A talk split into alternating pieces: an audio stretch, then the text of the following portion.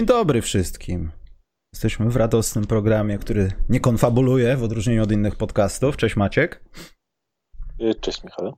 Wypadałoby, żeby któryś z nas był z samochodu. Y, jak przeżyłeś y, draft dzisiejszy? Wytrzeźwiałeś? Wytrzeźwiałem, chociaż rano, rano byłem lekko zamulony, muszę to przyznać szczerze, jako że... Jak to rano? Rano w sensie mi rodzina pozwoliła odespać prawie do 12, więc. E, no to pytam, jak to rano. I, I, raz, i pierwszy raz w życiu pozwoliły mi odespać razem e, z moją ukochaną i to długo, więc miałem czas się troszkę wysp, troszkę przespać i troszkę e, przejść ze stanu bycia lekko pijanym do lekko skacowanym. Mhm. No, ale Kate, e, po wyborze Kate'a przerzuciłem się z piwa na, na rudą, więc... E, no ja tam jeszcze byłem, widziałem, że tam był ten e, transfer. Stopniowo tak, stopniowo, stopniowo, stopniowo zamienialiśmy stream, stream live z fachowym komentarzem w Pato Stream, ale na szczęście udało się skończyć, zanim się zrobiło prawdziwe Pato. A ja, nie, a ja po prostu w pewnym momencie zasnąłem draftem. Na szczęście już to nie było na wizji. Nie było? A, żałuję, cholera, chciałem zobaczyć w drugim piku drugiej rundy chyba po prostu zasnąłem na siedząco, godzinę później się obudziłem, jak e, już się kończyło wszystko i przełoż, prze, przełożyłem się tylko do łóżka. Ale to, to akurat nie była kwestia alkoholu, to była kwestia tego, że jak człowiek normalnie zasypiał o 24 i, ma, i wstaje o 6 czy 7 rano, to 5 rano jest bardzo złą godziną. No nie, no to dętka jest, to jest tak zwana dętka przebita i człowiek nie ogarnia nic. Dlatego wolałem tego uniknąć. No dobrze, to przejdźmy do. A. Wiesz co, przejdźmy może do takich małych rzeczy, ale to w zasadzie do małej rzeczy, bo tam zaraz się popałujemy nad draftem i, i nad y, tym, że Westbrook nikogo nigdzie w, w Lakers. To jest niewiarygodna sytuacja. Natomiast ten, y, bo wiadomo, przy drafcie Łysy wychodzi i opowiada różne rzeczy, statementy, co się będzie działo. Ja jestem bardzo podniecony, bo to ostatni raz pamiętam, że byłem wtedy też podniecony w 97, jak wrzucano tą najlepszą pięćdziesiątkę wtedy wszechczasów. E, nie powiem, to były wtedy takie czasy, że niektórych ludzi widziałem pierwszy raz, bo tylko słyszałem albo czytałem w Magic Basketball ich nazwiska. E, a teraz pan Silver ogłosił, że będzie 75 z okazji 75 sezonu NBA. 75. rocznicy w zasadzie. Jestem bardzo ciekaw, czy oni jakby po prostu do 50 dołożą 25 graczy, którzy od tej pory. No właśnie chciałem o to zapytać, czy to będzie jakieś powielenie, no bo też tajemnicą nie jest Maciek, że tak wejdę, że była 25 bodajże rocznica, też był skład wtedy, była 35, też był skład chyba wtedy, z tego co czytałem kiedyś. E, potem była przerwa, 50 i 75. No i wiadomo, tak jak wcześniej, no tam raczej o... były chyba jakieś powtórki, ale teraz, no właśnie się zastanawiam, czy to będzie 50 plus 25, czy do tego 50 doda się jeszcze kogoś? No jestem ciekaw. No tutaj wiadomo, wchodzi Kobi, no. Tutaj będzie Kobi na bank. Bo... Wiesz co, ja bym powiedział, że mamy tak bogate, tak bogate, te ostatnie 25 lat było tak bogate w talent, że mam wrażenie, że powinno się pewnie nawet uszczuplić trochę tą pięćdziesiątkę na rzecz tych kolejnych gości, którzy, którzy weszli. Dlatego jestem ciekaw, bo jestem przekonany, że część z tych gości z przeszłości zamierzchłej zwłaszcza wyleciało z tego top 75 y, ever, gdyby mm. uwzględnić też obecne czasy do teraz, bo teraz mamy rzeczywiście masę gości, którzy w tej topce muszą być. No na przykład nie ma żadnego argumentu do trzymania, dajmy na to, Oscara Robertsona przed Russellem Westbrookiem. Jak, jak, jak dziwnie by to nie brzmiało, jak teraz się hejtujemy Westbrooka, bardzo często się śmialiśmy z Lakers, yy, jeszcze wczoraj, dzisiaj mm. się cały czas, to Russell Westbrook ma wszystkie historyczne argumenty do bycia, do powiedzenia, że sorry, ale jestem dużo lepszym graczem niż kiedykolwiek Oscar Robertson był. O, shots fired, Maciek. No, Proszę bardzo, ale Robertson był słynie z tego, że miał jeden sezon na poziomie średniego triple-double, a e, Russell Westbrook robi to w swoim najgorszym sezonie w tym momencie. To jest gość, który... Więc to jest tak, że dla mnie e, jest bardzo dużo teraz graczy, wiesz, do tego musisz dołożyć tego top 25 ever, musisz dołożyć na pewno Hardena, Westbrooka, Lebrona, Wade'a i tak dalej, i tak dalej. Bardzo dużo tych ludzi jest. Chrisa Pola oczywiście też. E, Kejda Cunninghama. Właśnie się tak zastanawiam, jak, jak duży rozgardiaż spowoduje ten wybór tej 75, bo No faktycznie, będzie na pewno dyskusja, kogo nie powinno tam być, jak to jest awansem. I jakie kurtki będą mieli, bo wtedy mieli takie okolicznościowe kurtki takie. Także to jest ten. E, ale inna ważna rzecz to rzekome ograniczanie fauli. To, o czym mówiliśmy przed sezonem, to też zostało niejako ogłoszone jako jedną z tych takich rzeczy, z którymi przychodzi Silver przed nowym sezonem. Oprócz tego, że Plain będzie, bo się przyjął i tak dalej. E, kto będzie Maciek najbardziej narzekał? Trey Young czy, czy, czy ktoś inny? Trey Young. Trey Young to jest jakby, ja bym to nazwał wręcz Trey Young Rules. To, są, to jest przeciwko niemu wrzucone to i troszeczkę w Pola. To są dwie, dwie osoby, które będą najbardziej poszkodowane, jeśli chodzi o wymuszenie fauli. Tylko Chris Paul robi to dużo rzadziej, a Young w każdej akcji, więc próbuje to robić, więc teraz y, jak będzie to, podejrzewam, że pierwszych 10 spotkaniach przyszłego, przyszłego sezonu, kiedy sędziowie będą sprawdzali, jak dużo mogą na przykład zrobić z tych wejść pod nogi jako ofens, a nie jako obrońcy, to Young będzie wyglądał bardzo głupio, będzie miał bardzo głupią minę na początku sezonu, jak będzie jeszcze próbował swoje stare triki robić. Więc e, zdecydowanie Trae Young tutaj najbardziej ucierpi ze wszystkich chyba przy tym ograniczeniu fauli, ale to bardzo fajnie, to jest bardzo dobra zasada, bo te faule to jest jedna z dwóch największych bolączek teraz ligi, tak? To takie głupie granie na faul, a nie w sensie nawet nie jest granie na faul, to jest u, u, wykorzystywanie zasad y, do, do, do brania niewidzialnych fauli, tak? Bo na boisku nie zrobisz tak, że wbiegniesz komuś pod nogi i mówisz, o kurde, nie sfaulowałeś e, z boku gramy. Mhm. Zrobi raz, to jak tak, tak zrobi pięć razy, zacznie się kłócić, dostanie plaskacza i się skończy jego rumakowanie na sali. A nie, Albo, ja nie wiem, Maciek, czy w niektórych przypadkach taki soczysty plaskacz nie pomaga ludziom, uruchamia ich? Jest taka możliwość, ale na przykład jak jest tak na sali, jak ci ktoś biegnie pod nogi, jakby mi tak biegł jakiś gość pod nogi, jakiś typ, typ, kto na salce takiej gra raz i drugi, to bym raczej tak mu wbiegł na te plecy, żeby na pewno więcej tego nie dał rady zrobić. I to by się skończyło rumakowanie. Nie? I, więc y, tutaj absolutnie y, dobrze, że dobrze, to usuwają. Takie wyskoki do tyłu, w bok, żeby wpaść pod gracza, wybić mu zęby głową, ale że to był jego faul, to fajnie też, że to wszystko skasować. Ja, strasznie mnie to irytowało na początku tego sezonu, potem troszkę mnie to gwizdali na szczęście e, z biegiem i tym takim zapowiedzeniem tych zasad ograniczających. A druga rzecz, której cały czas nie naprawili, którą trudno będzie naprawić, to te końcówki trwające 55 minut, że ostatnie, ostatnie 20, 55, 52 sekundy meczu trwa 36 minut czasu na zegarze. To, to, to jest coś druga rzecz, którą trzeba skasować, bo to w playoffach była potworna bolączka, to było potwornie ciężkie do oglądania. Mm.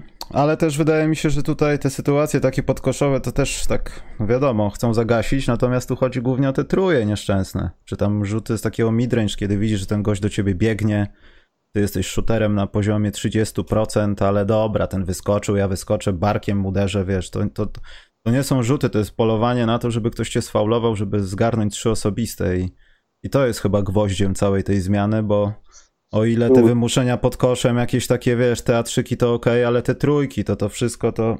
Myślę, że to jest głównie po to. To wszystko idzie ze sobą, tak, w posagu jak, jak, jakoś, ale... Ale te trójki, no to to jest rzecz, która wypala ci oczy od środka już momentami. No tak.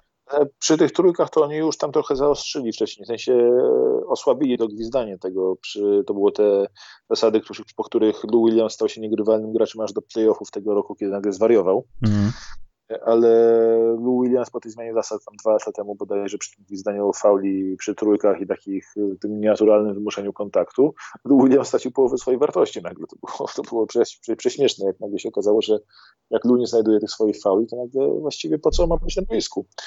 I to James Harden się bardzo szybko przystosował do tego, jak sobie tutaj z tym radzić. Lou Williams się nie przystosował, tylko w tych playoffach, playoffach po prostu złapał ogień a teraz mam wrażenie, że przy trójkach to już tak dużo nie zmieni, bo teraz tylko chodzi tam nienaturalne ruchy po prostu jako ogólnie doprowadzili nie? do tej zasady takie, że szkolić, a mam wrażenie, że to chodzi o te nienaturalne ruchy typu właśnie midrange i te wszystkie właśnie Treyangi, te Chrise Pole, tam i tam paru jeszcze innych naśladowców mają, którzy próbują takie, Danilo Gallinari z, z większych, z innych graczy zupełnie innego typu, który też takie dziwne mm. rzeczy robi, machaniem głową jak gołąb w bok, kiedy idzie w górę do, do rzutu myślę, że to w nich uderzy, ale to tylko pomoże grze, bo tak naprawdę tego bardzo długo w NBA nie było takich kretynizmów, a potem odkryli dziurę w przepisie kolejną i zaczęli...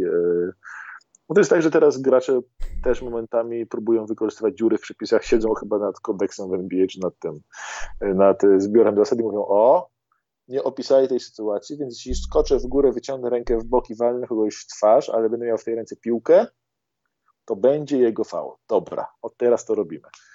I potem NBA musi tak bardzo precyzować te zasady i uszczegółowiać, uszczegółowiać, to teraz wreszcie wprowadzili tę taką bardzo ogólną zasadę, czyli nienaturalne ruchy. I to jest, zostawia duże pole do, do, interpretacji sędziom, ale z drugiej strony zakładamy, że mamy najlepszych sędziów na świecie w NBA i że im ufamy, że dadzą radę ogarnąć takie nieprecyzyjne sformułowania. Mm. Poza tym tutaj słówko klucz, które też na pewno będzie powodowało dużo dyskusji podczas spotkań, które już za 81 dni, ha, tak niedługo, yy, abnormal angle. Ja tak. widzę tutaj dużo kłopotów z orzeczeniem tego, co było abnormal angle, a co nie było i a co miało być.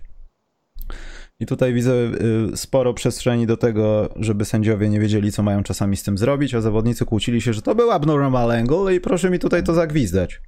W tej chwili proszę mi to zagwizdać. Nie był abnormal. No i wiadomo, daszek na koniec i to jest bardzo ciekawe. To jest taka nieistotna sprawa w zasadzie, ale mocno wpłynie na grę, bo kilku zawodników y, żyje na tego typu akcjach. I jak przestanie na nich żyć, to będą kłopoty. Tak, tak, zdecydowanie. Swoją drogą właśnie teraz zacząłem liczyć. Yy... No tak, bo to, ale to jest wszystko, to jest, mówię, to jest, z tym jest yy, wszystko jakby związane z sędziami, teraz trzeba po prostu zaufać sędziom, na początku powinien będzie dużo jojczenia jak na sędziów. Na początku sezonu, jak będą bardzo ostro to egzekwować, potem zaczną to troszkę łagodzić, tak jak co roku, zawsze, zawsze jest tak, że zaczynają po zmianie przepisów pokazywać graczom, co teraz się będzie działo wszyscy mówią o rety, to by to zniszczy grę, więcej jest gwizdania niż kiedykolwiek, jak można tak tutaj ingerować i po chwili, po miesiącu sędziowie troszkę odpuszczają, gracze już wiedzą, czego nie wolno robić, a co wolno robić i wszystko się normuje i zapominamy o tym. Więc y, fajnie, że to się wydarzy, ale to też nie będzie miało jakiegoś takiego wielkiego, ostatecznie za rok od teraz nie będziemy nawet pamiętać, że tam się dużo, coś, coś, coś dużego zmieniło. Mm. W zasadzie to będzie powrót do korzeni, no, żeby, żeby nie było tego typu jakichś tam scen i może, nie wiem, za sezon 2 już sędziowie nie będą, zawodnicy nie będą tego robić, bo sędziowie zabiją całą sprawę. To też byłoby fajne, ale trochę w to nie wierzę. Słuchaj, sprawdziłem sobie właśnie teraz listę tych y, y, najlepszych graczy ever po Winshares sortując, no to mamy tych graczy ostatnich 25 lat, mamy mnóstwo y, w czołówce, tych, którzy nie było jeszcze na poprzedniej liście, czy bo jest LeBron, y, Duncan, Dirk, Kevin Garnett, Chris Paul, y, Shaquille tam już był na przykład, ale Chris Paul jest, potem masz Kobe Bryant, to jest 6, Paul Pierce to jest 7, w pierwszej 25 jest 7 gości, to 25 lat. Potem jeszcze Durant 8, e, Ray Allen 9, Pogasol 10, Harden 11, Jason Kidd 12, Dwight Howard 13, e, tam dalej Steve Nash 14, Carter 15, e, Sean Marion 16, Chauncey Billups 17, Wade 18. To w pierwszej 50 najlepszych graczy ever masz 18 już po Winchers tylko masz 18 od nas, masz 18 teraz tej takiej naszej epoki już po tym wszystkim. Możesz nie ułatwiać I... pracy NBA? Ale wiesz, oni nie tylko wezmą Winchester, będą jakieś zasługi i tak dalej, i tak dalej, bo wiesz, yy, bo tam pójdzie, ale jak tam patrzysz dalej, no to masz tych po Winchester samych masz więcej niż 25 gości, stop 25, y, stop yy, i to mimo, że część tych gości trwają kariery, więc oni te Winchester jeszcze sobie pozbierają, tak? Mm. Więc wydaje mi się, że tu jest że tu raczej nie ma tematu, że chyba powinni pomieszać, troszkę uszczuplić tą listę top 50 dotychczasową, nie dokładać tylko kolejne 25, tylko na przykład 30 dołożyć i tam 45 zostawić z tej poprzedniej listy. Dobrze, skoro odwaliłeś robotę już z NBA, Maciek, to powinni ci zapłacić, to raz, a dwa, przejdźmy dalej. Tylko nie wiem, czy jest sens, Maciek, rozmawiać o drafcie, bo znowu będziesz gadał godzinę. Ale tak poważnie, coś takiego cię zaskoczyło w tym drafcie, że ja nie będę pytał o 68 pik, że wybrano kogoś bez nogi, tylko bardziej o tych takich e, w czubie. Ja w sensie uważam, że ten draft był chyba najbardziej posranym draftem, który mieliśmy od 2013 roku. Czemuż? No bo to o ile pierwsza szóstka, pierwsza piątka poszła zgodnie z przewidywaniami wszystkich, choć mm. i tak się Toronto doskonale tam e, przykampowali z tym Scottem Barnesem, bo wypuszczali przed dzień draftu i dwa dni przed draftem, że, że biorą Saksa, po czym nagle e, haha, takiego. Nie udało się sprzedać tego piku y, Orlando, więc trudno bierzemy swojego człowieka. To potem już się zaczęły jaja, no bo Josh Giddy był, to jest fajny pik w tym miejscu, ale to jest gość, który ma też ograniczony sufit, bo w czasach free and D w NBA nie ma, Josh Giddy nie, Giddy nie ma ani free ani D. To jest gość, który ma fantastyczną wizję parkietu, to jest Kyle Anderson z wizją parkietu Rickiego Rubio, ale on nie ma Mm, no on nie ma, ani nie broni, ani nie rzuca na trzy. Rzut ma połamany koszmarnie, więc e, nie wiem, czy oni tam dadzą radę mu go naprawić. On podnosi bardzo szybko piłkę, zatrzymuje się i oddaje z samych rąk. W ogóle nie używa, nie używa jakby siły z ciała, z nóg, z ustawienia do tego rzutu. Wygląda to przedziwnie i to troszkę podobnie do tego Rubio i takiego set, set shotów. E, więc e, szóstką to jest taki pik dziwny, bo to jest taki bardziej floor raiser, jeśli chodzi o cokolwiek w Oklahomie. Ja mam wrażenie, że oni by chcieli maksymalny sufit wziąć, e, tak, żeby gościa, który zaraz im nie pomoże, ale w ciągu 3-5 lat będzie gwiazdą NBA. A taki Kuminga czy nawet Book Knight bardziej się na to zapowiadają, ale mówię, to jeszcze nie jest taki zły. Potem Warriors rozdzieli po prostu najlepszego dostępnego gracza, spoko. E, Orlando, jeżeli o Franca Wagnera, co tutaj się zaczęły robić jaja, bo to się nikt nie spodziewał, że Orlando, które w sumie nie ma żadnego interesu w wygrywaniu teraz, weźmie gościa, który jest gotowy do pomagania już teraz. Potem Sacramento dołożyło do swoich y, zespołów, gdzie mają prawie samych gardów, jeśli chodzi o wartościowych zawodników na obwodzie, dołożyło, dołożyło kolejnego garda, Daviona Michela. No i, od, no i tutaj już mamy jaja, bo ten Zaire Williams, nikt się nie spodziewał, że Memphis po niego idzie, bo wszyscy mówili o czterech innych graczach, po których oni szli w górę, y, który poszedł do Memphis. Charlotte miał brać zupełnie kogoś innego z jedenastką, tylko się tak zdziwiło, że jest Knight, niż aż go wzięli. A potem Spersa, przepraszam, odjebali, bo wzięli gościa, którego nikt się nie spodziewał w pierwszej rundzie, wzięli go z dwunastką. Czy to jest DJ Joshua... Premier? Joshua... Primo? Joshua Primo... E, e, e, Kurde, zacznę się jąkać zaraz. E, no. Joshua Primo jest, tak. To jest w sensie chudziutki dzieciaczek, który na boiskach NCAA no fajnie, że trafiał trójki z rogów i walił 40% kontestowanych trójek, a 44% w przód, ale oprócz tego gość nie umiał skończyć przy obręczy, miał skuteczność 35% w kontrze, przy obręczy był e, w okolicy, w dolnej połowie NCAA całego, czyli jeśli chodzi o efektywność przy obręczy, przy okończenie przy obręczy, nie miał nic tyle ja potrafić w ogóle nie umie trafiać nic lewą ręką, tylko prawą ręką rzuca spod kosza. E, jest po prostu, dla mnie on jest absurdalnie słaby jak na prospekt. Według mnie Spurs, jeśli Spurs go bardzo chcieli, bo wiadomo, może zobaczyli, że można go rozwinąć i tak dalej. Może myśleli, że to jest Primoż Brezek i... Może. Nie wiem, on wygląda, mi napisał już yy, znajomy fan Spurs, że on wygląda dla niego jak wyższy Bryn Forbes. I tu coś, coś w tym jest, szczerze mówiąc po prostu chodzi i rzuca. Nie bardzo nic innego umie, a, rzuca, a ma też taką mechanikę rzutu, że raz trafi trójkę idealnie czysto, a drugi raz yy, dosłownie ma takie akcje w sensie, jak patrzysz jego low light, że przerzuca tablicę za trzy na przykład rzucając, albo wali yy, z lewej strony rzucając trójkę, od prawego, od prawego boku tablicy odbija właśnie. Jakieś cuda. Więc jest bardzo nierówny w tym rzucie. Może Spurs wymyśli, że go wyszkolą, wytrenują trzy lata w G League i potem się pojawi, ale no, mogli zrobić trade down to nawet nie do końca pierwszej rundy, tylko do, do drugiej rundy z tym pikiem. Mogli dać 12 pik za 31 i też doszło Primo sobie wziąć. E, ja jak czytałem przed draftem jakiś Wasserman czy jakiś tam inny spec, spec od draftu pisał, że mm, krążą plotki, że Joshua Primo ma zainteresowanie w loterii. Ale to wyjątkowo idiotyczne plotki, ktoś tak napisał. Potem wychodzą z sali na biało i Greg Popowicz, który przez jetlaga i przesunięcie czasowe myśli, że jest już druga runda, mówi jeszcze Primo w drugiej rundzie, jeszcze Primo z naszym pikiem w drugiej rundzie jest dostępny, bierzemy. A potem się okazuje, że to dopiero 12 pik, a już jego GM marionetkowy go wybrał. Nie, dla mnie to jest żenujący taki pik, który wysadził mi głowę kompletnie. Ale Maciek, wiesz co, ja to tak trochę, nie tyle co się nauczyłem, no co to jest no-brainer, ale oni są mądrzejsi od nas trochę. Tak, są mądrzejsi, oczywiście są mądrzejsi. Oni ale... wiedzą więcej rzeczy o, o, nas, więc, znaczy o nas, o nas nic nie wiedzą, natomiast o zawodnikach wiedzą znacznie więcej. Tak, to jest więc ja też nie wiem, czy możemy tak w ten sposób mówić. No może ten kogoś jest kasztanem, ale ktoś coś w nim widzi. No też nie może być kasztanem, żeby aż tak wysoko zostać wybranym w drafcie, bo nie ma na nazwisko Milicić na przykład, czy coś, wiesz.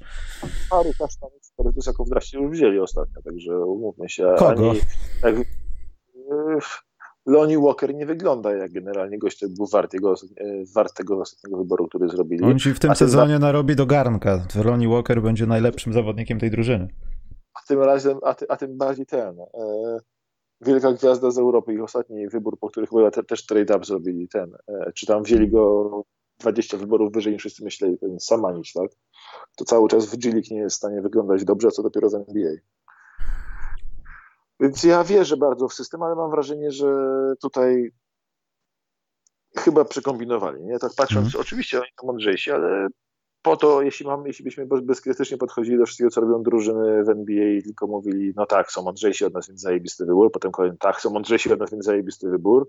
Tak, no tak, Chris Duarte jest po starszy od e, jednej trzeciej, jednej trzeciej graczy w NBA już teraz, w tym Jasona Tatuma i Brandona Ingrama, a to jest znakomity wybór w top 13, ma bardzo wysoko sufit. Jak skończy ten kontrakt, to aktor będzie mógł iść na emeryturę.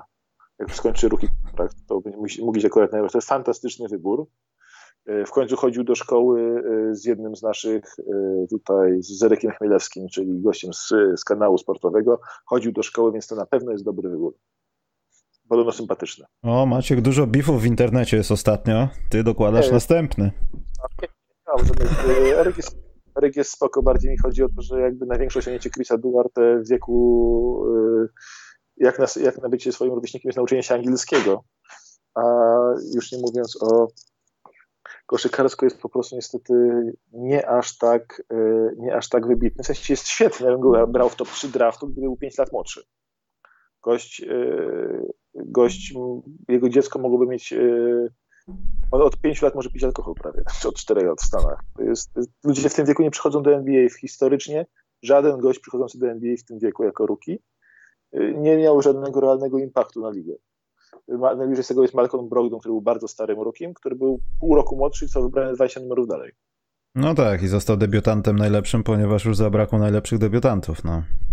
Tak, ja go bardzo, ja bardzo lubię Chrisa Duarte, jest super, ale nie wydaje mi się, że to był jakikolwiek upside pick w top 13. Mhm. W sensie. I, I, dalej masz tak, że masz tego, i dalej tam, wiesz, dla mnie na przykład Warriors wygrali strasznie na tym drafcie. Wzięli Kumingę, wzięli Mosesa Modiego, mają Moody to jest gość, który może dla nich grać już teraz, pomagać. Kuminga to jest projekt, który może się rozwinąć w większego Jalena Browna nawet. Więc super. Dla mnie Warriors są mega zwycięzcami w tym drafcie. Ale potem to, to co robiła Oklahoma już, to z całym szacunkiem, ale to jest chodzący mem. Jak wiem, że tam jest jakiś Uber plan e, sama Prestiego, ale mam po prostu wrażenie, że sam Presti jego głównym zajęciem w jego życiu w tym momencie jest masturbacja pod, e, e, e, pod tabelę Excela, w której ma pisane swoje piki. On chce doczekać momentu, aż cały draft będzie jego i Silver będzie musiał mówić cały czas tą samą nazwę drużyny. Wtedy odda wszystkie piki za gotówkę. Tak. Bo on zrobił? Miał wybór 6, 16, 18. I o jest szóstą tego gidę ja rozumiem, bo najlepiej podający zawodnik draftu, możesz uwierzyć, że on z Szajem będzie fajnie, fajnie fitował, fajnie pasował. Nie jestem w stanie e, w to uwierzyć. E, Nie jestem w stanie ale... uwierzyć, że on będzie odgrywał jakąkolwiek istotną rolę w tej drużynie na początku. Mhm. Bardzo możliwe, że wiesz co, on tam będzie grał dużo, no bo oni mają miejsce na placu na bardzo wielu zawodników, bo oni mają dosyć niewiele talentu na razie w składzie, takiego wyraźnego. Ale to, co oni zrobili z szesnastką, ja nagrywałem ten podcast live y, z chłopakami, którzy na co dzień kibicują Oklahomie. Są tacy tam była, tam była spora podjarka, jak doszło do, y, jak Sengun się zsunął, zsunął aż do szesnastki, bo oni myśleli, że to jest nawet fajny pik z szóstką. No i tutaj jest zajawka, zajara, zajarani, że o Sengun będzie, Sengun będzie. I nagle jest info, że oddali ten pik do Houston. No to jest wielkie what the fuck, ale moment, ale nagle taka rozkmina, dobra, jeśli oni chcieli wziąć na przykład dwóch high upside gości, no to wzięli od Houston piki 23 i 24, to będzie dobrze. Jeszcze to może trochę tanio da, oddali, ale będzie dobrze. Hmm. A potem jest kolejny info, moment, moment, to nie są piki 23 i 24. To są, to jest przyszły pik Pistons, który jest zastrzeżony chyba w top 20 przez kolejne 10 lat, a potem się zmienia w drugą rundę. Czyli to będzie słaby pik. I przyszły pik Wizards, który jest też zastrzeżony tam w loterii, czyli w najlepszym przypadku będzie z poziomu tego 16 piku. I możesz mieć teraz gotowego gościa, który był MVP Ligi Tureckiej, potencjalnie jest, nie wiem, lepszym Domatasem Sabonisem, Nikolą Wuczewiciem, taki naprawdę fajny gość. Potencjalnie analitycznie wygląda fenomenalnie dobrze. I ja wiem, że drużyna NBA może mieć inną opinię, ale oddajesz ten pik 16, który jest, możesz coś ciekawego wziąć, za dwa przyszłe piki, które będą dużo gorsze od tego piku i jeszcze dodatkowo są w przyszłości. Mm. I to jest sztuka dla sztuki jakby kompletna, bo po co zbierasz te piki, skoro je oddajesz za więcej pików potem? To jest takie masturbowanie się asetami jak i Danny Ainge. Że mam te wszystkie piki i nikomu ich nie dam. No tak. I potem musisz wybierać w draftach Gersonów i Abuzele i innych takich, żeby móc ich staszować w Europie, po czym oni przychodzą do NBA i się okazuje, że się do niczego nie nadają. Tylko mogą kotleta zjeść najszybciej całej drużynie. Więc kompletnie nie kumam tego wyboru yy, Oklahomy. A najlepsze jest to, że potem z osiemnastką nie wzięli żadnego jakiegoś high upside gościa, tylko rozgrywającego, który biega i rzuca i który nie bardzo umie cokolwiek innego. I Treman jest bardzo fajnie, bardzo fajnie rzuca, tylko problem jest taki, że tylko biega i rzuca, więc wzięli w drafcie dwóch rozgrywających do tego, że mają na obwodzie już y, Tio Maledona, Shai Gilgiusa Aleksandra i Luguenza Dorta. Więc nagle mają, sobie zapchali gardów, a na skrzydłach mają Pokuszewski, a jeszcze mają Kemba Walkera przecież oczywiście, a mają na skrzydłach Pokuszewskiego, yy, tego, yy, jak on się nazywa, Bazleja i nic więcej. Nie mają nic na pozycjach 3 do 5. I oni w związku z tym wzięli sobie kolejnych dwóch gardów. Jak tego kompletnie jakby nie kumam, bo to jest wszystko fajnie, że masz long term, patrzysz na swój, swój rozwój, a taki Sheikh Julius Alexander wyjdzie na boisko i patrzy yy, na, na pierwszy trening i mówi mam tutaj bandę gości, którzy nic nie umieją i bardzo dużo pików wiszących w tabelce na ścianie. To jest jakaś abstrakcja. Na tym polega draft, Maciek. Tak, w sensie nie mają, ale y, Oklahomy plan jest kompletnie dla nikogo niezrozumiały. Bo jeszcze gdyby ten Treman był takim gościem, który daje ci, wiesz, gigantyczny upside i tak dalej, zajawka i super, y, ale nie, to jest facet, który w żaden sposób tam nie, nie, pod, nie podnosi tego długoterminowego sufitu, no bo albo Gidi, albo no trudno, żeby grać naraz Gidi, Gidejem, nim i Szejem, jeśli chcesz, chyba, że chcesz Szeja za kolejne piki oddać zaraz. Fantastycznie, jeszcze będziesz miał dodatkowe pięć pików, z którym wybierzesz kolejnego Szeja. No tak, tylko że tam jest co tydzień taka dyskusja, a jednak go zostawmy, bo będzie jakimś istotnym fragmentem układanki, a jednak nie, on jest do oddania. Tam co tydzień oni inaczej myślą na jego temat. No tak. A przynajmniej ja... dochodzą takie jakieś ścieki medialne, które mówią o tym, że jest raz tak, raz tak, raz tak, więc też nie wiadomo, wiesz, co jest pięć tam. Tak. Potem masz Nowy Jork, który stwierdził, że, faj, że ma dwa piki, może sobie dołożyć dwóch ważnych graczy, w związku z tym się pików pozbędzie. Ale to... Charlotte zrobiło zajebisty ruch. Kolejny zajebisty ruch Charlotte zrobiło tutaj. Charlotte pozyskało 19 pik, wzięło 19 pikiem gościa, którego chcieli brać z 11, czyli Kaya Jonesa się brać z 11, ale tam się spadiem buknie, tutaj kupili od Nowego Jorku pół darmo 19 pik i mają sobie teraz i Kaya Jonesa i tego Booknighta, który im się bardzo przyda. Super ruch. A wcześniej jeszcze wzięli od Pistons y, sobie centra do pierwszej piątki i dostali za to pik jeszcze kolejne. Mhm.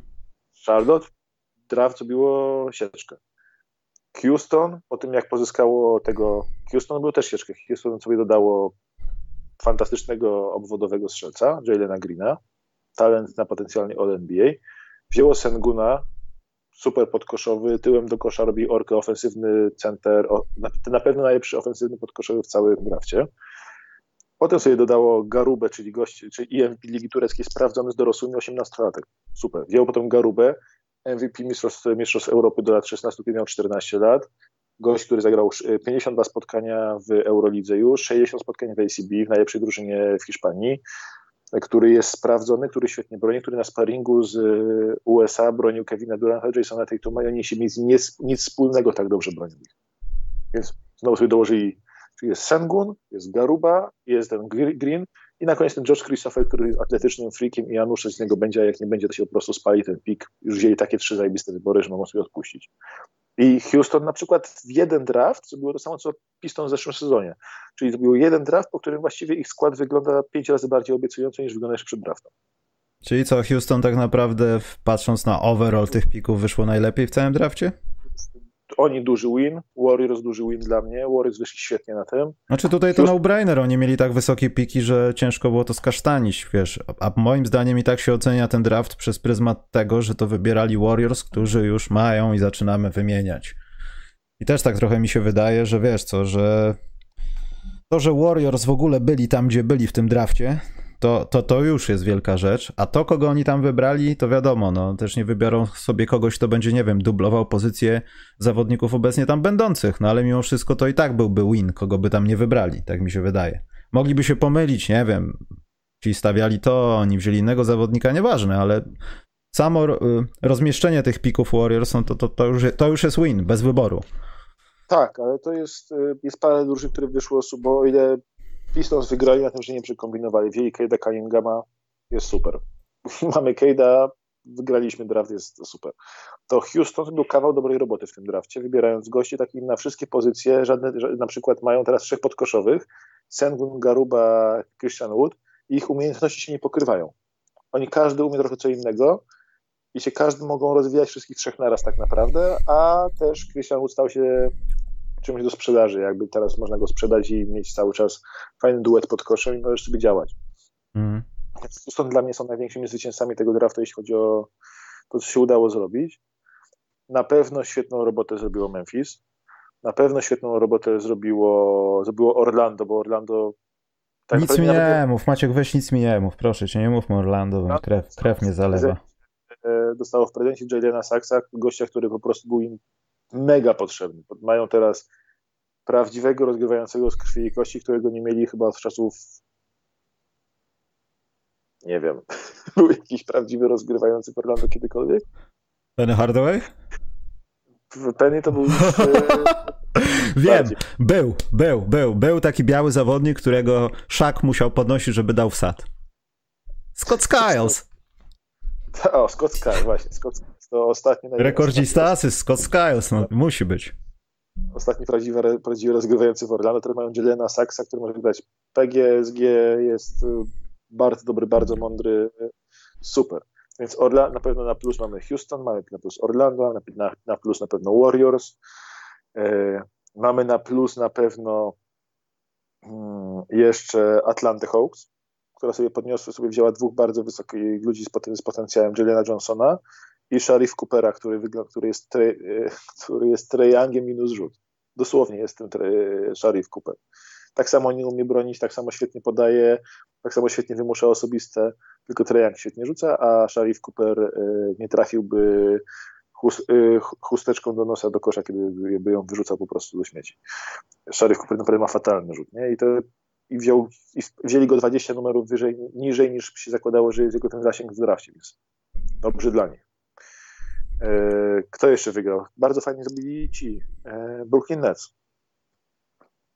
Brooklyn Nets, wiedząc, że e, z wiedząc, że z 28 nie wezmą ich gracza Sixers, sobie wzięli z 27 Camerona Thomasa, czyli takiego opętanego strzelca, który nie bardzo umie cokolwiek robić, ale możesz go puścić w drugim unicie i niech gra tak jak Maxy grał w Filadelfii. Niech sobie po prostu porzuca, zdobędzie sobie, nie wiem, 15 punktów, półtorej kwarty i, do bazy bo będzie dalej Harden rzucał.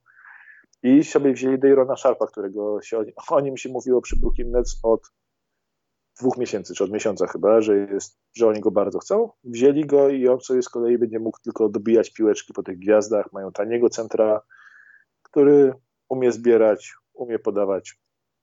Jest spoko. Czekaj, na czacie muszę coś zerknąć. Y, Jakub Sobczak mówi, czy możecie pozdrowić moją mamę. Pozdrawiamy twoją mamę. Pozdrawiam mamę Jakuba Sobczaka. Ale to nie jest jakiś beef, że mamy ją pozdrowić, a nie. potem powiesz, że coś moja mama. Nie, to nie ma ukryte. Ja wszędzie, jak ja mam jakieś paranoje z tymi beefami już. A, Clippers jeszcze zrobili super draft, bo Clippers zrobili sobie trade-up, sobie wzięli Kiona Johnsona, sobie wzięli yy, sobie wzięli tego Quintona yy, nie, sobie, nie sobie wzięli Kiona Johnsona, wzięli od Knicks, to bardzo atletyczny bardzo, atletyczny, bardzo skoczny grajek, wiadomo, tam wysadził ten draft combine tym swoim wyskokiem, ale to jest facet, który przy okazji E, ma potencjał do rozwoju, więc e, to jest taki fajny pik, tak byśmy powiedzieli Jerry Westowy, ale, ale mimo, że nie wiem, czy Jerry West jeszcze tam nawet doradza, szczerze mówiąc. ale bardzo ten pik taki dobry, bo sobie wzięli, podwyższyli sobie po prostu, nie mają, nie mają możliwości brania graczy z... Będą mieć teraz sezon na rozwój bez Kałaja, tak, więc teraz sobie dołożyli dołożyli sobie zawodników, tak, sobie dołożyli tego Kiana Johnsona, dołożyli sobie jeszcze któregoś takiego atletycznego um, frika, tylko cholera, rozjechał mi się ten, rozjechała mi się tabelka z ich draftem. To zanim znajdziesz, ja tutaj mam takie pytanie od Chrisa Chrisa, Ajo Dosunmu. To będzie drugi Derrick Rose? Nie, nie będzie, ponieważ powinien wybrać faceta, który nazywa się Jared, bo on jest lepszy w obronie, robi lepsze rzeczy jako rozgrywający i nikt nie ma pojęcia, dlaczego Bulls go wybrali. Jared Butler mówisz? Co? Tak. Mówisz Jared Butler? On? Jared Butler w ogóle y, nie, Jared Butler to jest JJ Reddick y, czarny. Y, tylko umiejący, umiejący jeszcze rozgrywać. No i bardzo dobrze, żeby popchnąć Kobiego White'a, w końcu kopnąć go w dupę albo mieć w końcu zastępstwo, to byłby idealny gracz. A jeśli chodzi o AO, to AO chyba nie będzie tak twardy w obronie, natomiast to jest gość, który się teleportuje z piłką. To mi się podoba. On się po prostu teleportuje. Jego nie ma ogólnie. On ma piłkę i nagle jest puf, jest po drugiej stronie kosza. I to ch Jared... chyba jest właściwość, którą Karnisowas i reszta składu wzięła pod uwagę, wybierając i tak jednym z ostatnich pików w drugiej rundzie. Wiesz co, Aja do sumu jest, yy, nie, oni, nie, oni wybierali z 38 pikiem. No tak? to jednym od końca. Cały czas to... będę ich disował za to, co zrobili, poddając Cartera i... Ech. Aja do sumu generalnie jest o tyle fajny, że to jest gość, który był jednym z najlepszych graczy w koleżu, tylko o tyle niefajny, że nie robił nic wyjątkowo dobrze. Po prostu jest bardzo solidny we wszystkim, więc to będzie, myślę, dobry rezerwowy guard ale A... nic więcej, ma upside na cokolwiek więcej. A poza tym mam też takie wrażenie, że szukali kogoś po prostu z Illinois, kogoś, kto będzie blisko i nie mieli za dużego wyboru według potrzeb kadrowych. To chyba, nie wiem, te, draft terytorialny wszedł w grę im. Coś takiego, tak samo jak Piston wybrali Isaiah Liversa, czyli gościa, który jest też w wieku, y, też w wieku już bliższy, bliższym emerytury dla niego niż, y, niż, niż, bycia, niż bycia młodym, już jest, już jest starym, jest starym młodym, ale, ale też z Michigan. Jim Belaine jest u nich teraz przecież tam, jest u nich trenerem od rozwoju. Robił tego przez 3 lata. Więc, y, Specjalista więc od rozwoju. Ciekawe, jak będzie z nimi ćwiczył.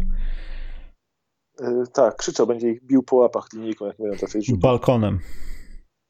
Tak jest. E, Inne, a fantastyczny pik jest tego, e, Utah, tak, ten Jared Butler. Mm. To jest dla mnie przekozacki pik. To jest dla mnie przekozacki pik, bo to są tacy goście, którzy on, jest, on trafił do Utah, zdaje się, tak? Nie wiem, chyba tak.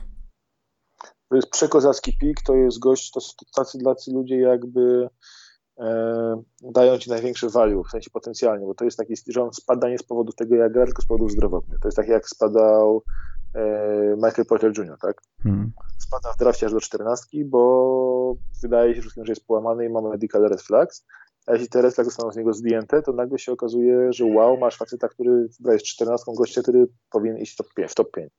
I tak samo masz tutaj, że wybierasz 40 numerem gościa, który powinien iść pewnie w top 15 albo w top 20, gdyby pewnie tam poszedł, gdyby nie ten, e, ta czerwona flaga w sprawie jego serca, która została zdjęta z niego po dalszych badaniach, więc prawdopodobnie z tym sercem jest wszystko w porządku.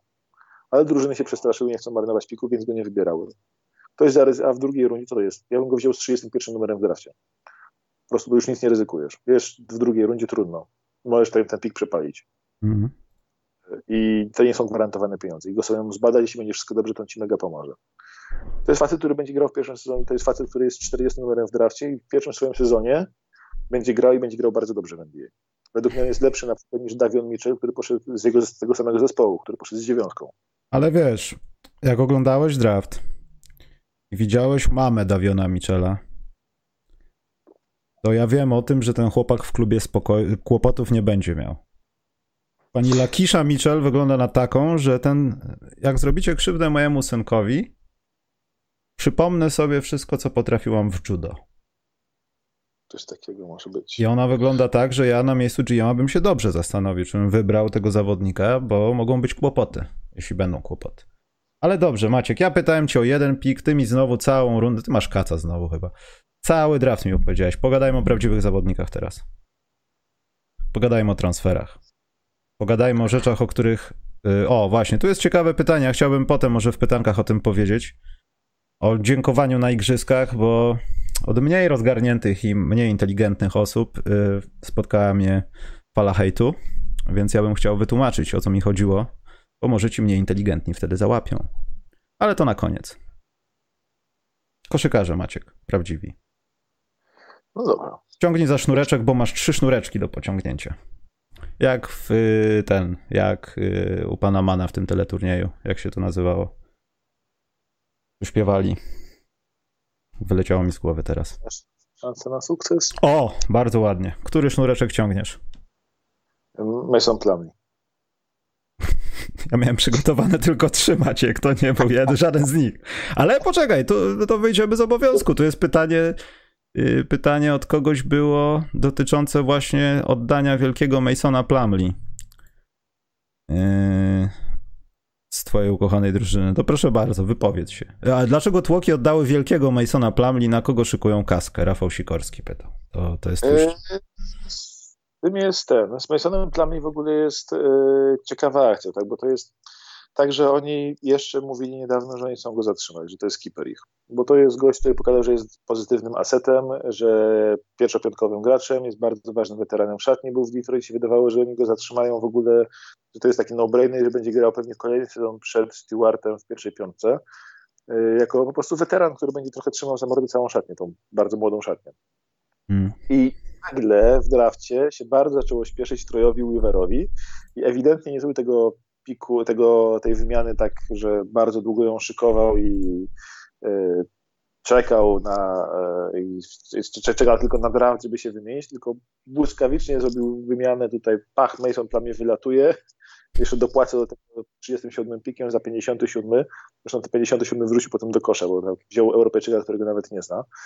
Y, ale e, wziął tego Masona Plumlee, oddał go szybko razem z jakąś drugą rundą, żeby go tylko Charlotte wzięło. Dodatkowo zapełnił swojemu rywalowi z konferencji bardzo ważną potrzebę, czyli centra. Można teraz podejść do tego, a, humorystycznie, czyli chcieli, żeby Charlotte nie miało pieniędzy na przedłużenie Cody'ego Zellera i teraz Cody'emu Zellerowi dadzą 3 razy 10 milionów. Wyciągną im Cody'ego Zellera, a potem go za rok komuś oddadzą e, znowu, tak jak Masona Plumlee. A z drugiej strony mam wrażenie, że to jest tak jak, oczywiście nie ma żadnego tamperingu w NBA, to bądźmy szczerzy, NBA jest czyściutkie. Nie. Podejrzewam, że, że się dogadał z jakimś agentem gracza i ten, ten powiedział, dobra, pokaż, że będziesz miał pieniądze na mojego klienta. Hmm. Bach wywalił Masona, patrz, mam pieniądze na twojego klienta, biorę go. I jestem absolutnie pewien, że tutaj jest już deal jakiś podpisany, to już de facto było tak jak w zeszłym, w zeszłym roku na drafcie Troy Weaver desperacko czyścił cap space i potem się okazało, że czyścił to na Masona Plumlee i Jeremy'ego Granta. E, ale to tutaj też na kogoś czyści ten cap space i jestem bardzo ciekaw na kogo, bo Pistons mogą mieć teraz potencjalnie 20 parę milionów e, miejsca, więc tu może być jakiś taki całkiem istotny wolny agent, no ale i pewnie gdyby nie było tego dealu na stole już, w sensie nie ma oczywiście dealu na stole, bo nie ma tamperingu, E, gdyby nie, gdyby nie było tego dealu na stole, to by Troy Weaver tego ruchu nie zrobił. Tylko ja jestem bardzo ciekaw, kogo oni biorą. Ja podejrzewam, że albo biorą jakiegoś strzelca, albo nawet nie wiem kogo, jakiegoś kolejnego skrzydłowego, który grał w piątce zamiast Sadika Beya. Trudno mi powiedzieć, szczerze mówiąc, to tam jest, ale podejrzewam, że ten deal już jest de facto podpisany, czeka tylko na E, uczciwe podpisanie e, za tydzień. Załamać cię Maciek, bo teraz będzie wiadomość chyba z ostatniej chwili, chyba że ja coś przegapiłem. Ale no. Thunder pozyskali Derricka Favorsa i pie i pierwszorundowy pik w drafcie. Potem oddać za dwa troszkę gorsze piki, a te dwa troszkę gorsze przyszłe piki, a te dwa troszkę gorsze przyszłe piki będą oddać za cztery jeszcze gorsze przyszłe Ale żeby nie było tak pięknie, Maciek, zaczekaj. Jazz dostają w zamian drugorundowy pik. No, stracili drugą rundę, ale mają pierwszą. ale jest na zero, wiesz. To jest, ale to nie będzie w naszych tych yy, no, sznureczkach do ciągnięcia. Dobrze, to Mason Plani mówi, że to już, że, że to, to, nie był ten sznureczek, ale to jest fajny ruch Charlotte bardzo, a w Pistons jest bardzo dziwny, ale wszystkie ruchy Troja Weavera w zeszłym sezonie wyglądały bardzo dziwnie, a dopóki się z tego nie urodził bardzo fajny zespół, więc ja, ja mu wierzę, chociaż jestem lekko zaniepokojony, że straciłem swojego potężnego Masona Plani. No ale wiesz, to, to Charlotte to jest taka drużyna, że ten Plumlee nagle okaże się, o Boże, jaki on był potrzebny, jak on, do, jej, on dobrze gra, on jest potrzebny, on zbiera, on zestawia, Boże, on jest taki szybki, aktywny. Boże, dlaczego oni nim nie grali? On jest świetny, tak? Myślę, że tak będzie w Charlotte, bo tam w Charlotte chyba jest tak, że oni ludzie się zmieniają, w sensie widzą ten skład, zero ciśnień, tutaj radosna koszykóweczka, która wychodzi i myślę, że tam trochę się zmienia w głowie zawodników, jak się idzie z Detroit na przykład do takiej drużyny, to można tylko im plus wypaść. Nie, tak, ja jestem generalnie mój. W Detroit się pokazał dobrze, teraz myślę, że będzie Charlotte świetny.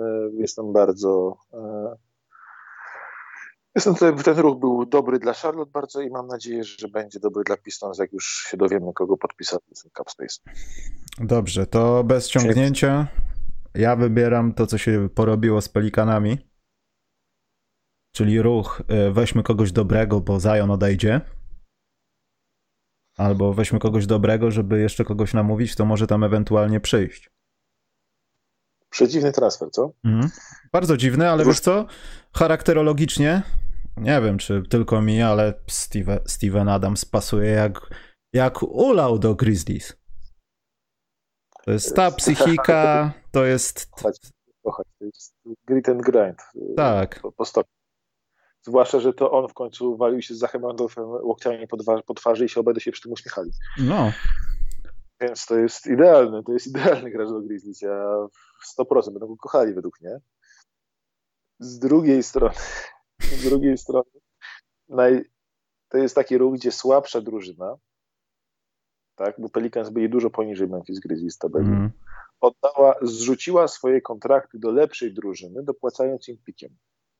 Czyli drużyna która powinna w tym momencie się bardziej przebudowywać, oddała drużynie, która się powinna teraz mniej przebudowywać swoje kontrakty w CapSpace, dopłacając to pikiem, nawet właściwie dwoma pikami, jak ja stanowili, bo trade-upem plus pikiem.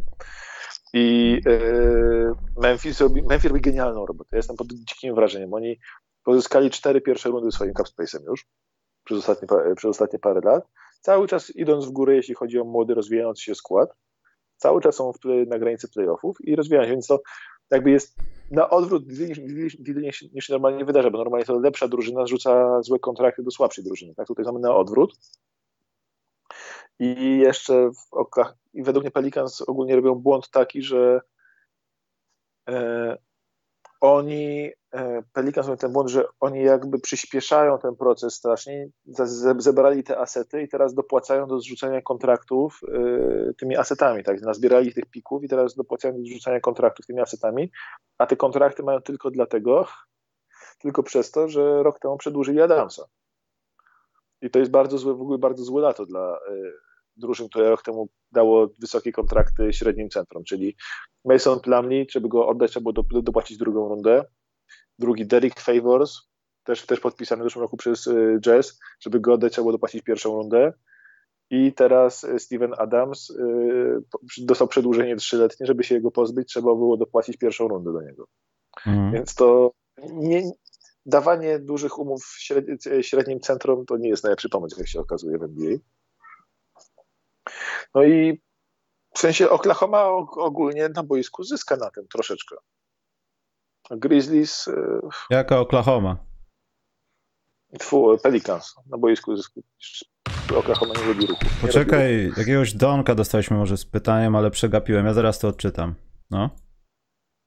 A, więc Grizzlies są dla mnie na plus bardzo, bo sobie pozyskali tam swojego gracza w drafcie. Najlepsze jest, te, jest takie zestawienie, to cudowne zestawienie e, tego, co zrobił, y, co Grizzlies zrobili przez ostatnie parę lat. Ja to aż przeczytam, bo to każdy fan Grizzlies powinien się po prostu tym jarać dziko. Grizzlies, słuchaj, pomijając to, że zyskali cztery, cztery piki pierwszej rundy, sobie pozyskali swoim capspace'em, to w ciągu ostatnich draftów zrobili, y, odkąd jest ten duet Zach Clayman, y, Tayshaun Prince rządzą w Grizzlies, to wybrali tak, wzięli Jamoranta, którego chcieli i który był, czekał na nich z, z dwójką, Brandona Clarka zrobili trade-up po niego, Desmonda Baina zrobili trade-up po niego, Xaviera Tillmana zrobili trade-up po niego, Zaire, Williamsa trade-up po niego zrobili i Santi Aldame e, z, z końcówki tej pier, pierwszej rundy w tym drafcie też trade-up po niego zrobili. Jak chcą jakiegoś gracza, nie certolą w ogóle, robią trade w górę, biorą gracza, dziękuję, do widzenia. Nie ma tu większej filozofii. Świetna, świetna robota. E, znalazłem donata. Dzięki za waszą robotę. Podała mi się częstotliwość podcastów oraz zmienność ekspertów. Pozdrawiam. Jozue21, dzięki za kasę, ale Maciek nie jest ekspertem, bo widzisz, zadałem mu pytanie o transfery, on mi znowu od draftu. On się tylko z draftu dzisiaj przygotował. Więc ja nie wiem, co to będzie dalej, Maciek. Ale mów dalej, Maciek, no. To bardzo ciekawe. A transfer... nie no, mów, no. Nawet ja w to nie wierzę. Yy transfer generalnie, a dla Pelicans, nie wiem, Valenciunas jest ciut lepiej pasuje do Zajona niż e, pasował Adams, ale robienie z niego floor spacera teraz dla no ale, no ale poczekaj, poczekaj, no. Floor spacer floor spacerem, ale jak patrzyłeś na mecze i widziałeś tego Ingrama, który robi jakieś dziwne rzeczy z piłką, potem już Zion musiał wszystko brać i bardzo dobrze, bo on w zasadzie jest od tego, no to Wydaje mi się, że ja wiem, że to może nie być nadwyżka w stosunku do Ingrama, ale Valanciunas z midrange daje większy święty spokój po prostu swoją obecnością, nawet w jakichś aspektach w obronie, niż Ingram. No słuchaj, Valanciunas tak wolno podnosi rzut i zawsze musi pompkę zrobić przed oddaniem tego rzutu, zwłaszcza za trzy, sprawdzić wiatr, zrobić dwie pompeczki. Ale wpada. Podejrzeć, czy na pewno nikt nie podejdzie no ale oddaje taką jedną trójkę na mecz i to w takim tempie atakującego lodowca. No dobrze, ale odpowie, odpowiedź w obronie, a Ingram waży tyle co piłka. Może Wilsony są cięższe, no to może waży mniej niż piłka. On wchodzi, za, on wchodzi do rotacji za Adamsa, tak? Mm. Więc w obronie jest gorszy od Adamsa, w ataku jest na pewno lepszy i troszkę więcej daje miejsca niż y, dawał Adams. Ale cały czas to w sensie okej, okay, zrobili ten ruch, żeby pozbyć się Adamsa i pozbyć się Bledso, super, ale z drugiej strony nie, to nie jest zbyt dobry fit do Zajona według mnie. Oni tam powinni, jeśli mieli komuś dopłacać pikami, to powinni wrócić Indianie, wszystko co Indiana chce i wziąć Milesa Turnera, który po prostu może stać na trójce, na trójce i walić truje, a w obronie pomagać Zajonowi, a nie Valanciunasa, którego możesz odpuścić przy trójce, bo on się będzie tak długo składał, że, do, że, że zdąży do niego dojść spacerkiem, popierając się balkonikiem. Jesteś hejterem. Sensie, no nie, no nie nazywałem to floor spacer, to wolno. Który sznureczek teraz? Co? Sznureczek który? To jest przedostatni sznureczek przed głównym daniem, bo tutaj to jest chyba jednozdaniowe, co Ricky Rubio zawinił, żeby... Ten sznureczek sam spadł właśnie teraz, Maciej. E, wierzysz w Rickiego Rubio jako gracza, który, który jest graczem? Bo ja wiem, że ja pamiętam, Ricky Rubio robi całkiem dobrą robotę od kilku lat. Natomiast czy on jest tym graczem, który zostanie dalej popchnięty i ta ckliwa historia o Kevin Love znowu razem? Czy po prostu Cleveland musiało to zrobić? W sensie wziąć coś, żeby pozbyć się na przykład pana Prince'a? Czy myślisz, że co, że Ricky Rubio ma być etatowym rozgrywającym, bo wszyscy mają dosyć duetu Sexland? Wiesz co, Oklahoma w sensie Minnesota chyba chciała tego tej, tej Shana Prince'a w ogóle. Tej teorii na Prince'a, chyba go chciała. Nie wiem czemu go chciała, ale chyba go chciała. Oni tam mają taki tłok na skrzydle, że idealny. Ja w sensie mam wrażenie, że Wolves są w panice, nie, nie robią ruchy, nie wiedzą po co. Inni robią, to też zrobimy. Tak, to jest takie, że oni robią ruchy, nie wiedzą po co. Tam mam wrażenie, że oni są dosyć blisko. No. Czekaj, czekaj, czekaj chwilę, czekaj chwilę. E, to, to, to już e, to Rina Prince'a wzięli, są w panice, bo oni mają generalnie taką akcję, że są zaraz, mogą, zaraz może się tam wydarzyć e, trade request od Kata. Mhm. To się może wydarzyć trade request od, od Kata, no bo on za rok już będzie miał dosyć. Ta drużyna po prostu nie wyda... Czy, czy widzisz jakiś potencjał na lepszą przyszłość u nich w składzie? Wolves?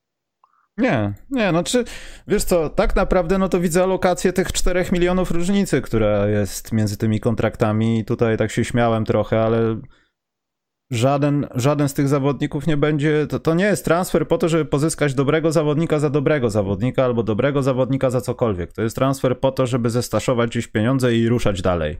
Tak mi się trochę wydaje, bo jeśli już nawet pal 6 przepłaciłem za Tauriana Prince'a w swojej fantazy, ale nie jestem jedyną osobą, która dała się oszukać. Bo on jest naprawdę dobrym graczem, tylko ma masę kłopotów, które powodują, że jest przeciętnym graczem. Straty, ja... E, kłopoty jakieś czasami w odnalezieniu się na boisku. Zrobi dwa świetne posiadania, zabije kogoś w obronie, jak się obudzi, i nagle potem jest. Rzeczy się jakieś dzieją. Dobra, gość. Mam z tym no. kłopot trochę. No. Gość był niedawno wybrany w drafcie. W 2000, w 2016 roku został wybrany w drafcie. Niedawno. Ile teraz? 5 lat temu było Maciek. Wychodzimy, 27. Czekaj. Przyszli kibice Oklahomy do Maćka. A sprawdzę, tak, czy on tak. mówi prawdę z tym 2016. No 5 lat, no jak jak w, w Prince'a strzelił. Jak Prince'a strzelił, tak jest. Jak Prince'a strzelił. 2016 ma 27 lat już. Y, nie jest to y, młody, młody, gniewny gracz, tylko gość, który zaraz podpisze swój ostatni. Oho, Maćka rozłączyło. Dorwali go jacyś kibice Oklahomy. Poczekajcie, zadzwonię do Maćka jeszcze raz. Najwyraźniej ma kłopot.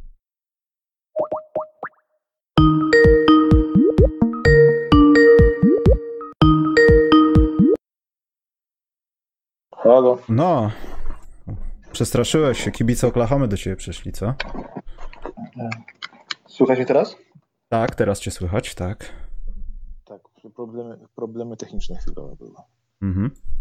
E, więc e, no, w każdym razie e, a Rubio z kolei w Cleveland, oni szukali backupu, rezerwowego backupu e, szukali do piątki, weterana, garda, no to mają. Tylko nie wiem po co.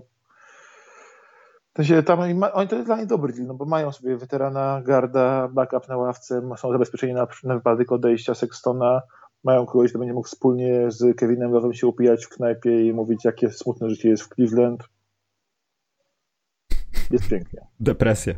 E, przemknęła mi taka myśl, że Taurian Prince oszukał wszystkich na Panam Games wtedy, kiedy razem z komandą walczyli tam o zwycięstwa i naprawdę ja wtedy zobaczyłem i się zajarałem i to może stąd jest ta obiegowa opinia, że jest dobrym graczem, a w NBA jest kłopot.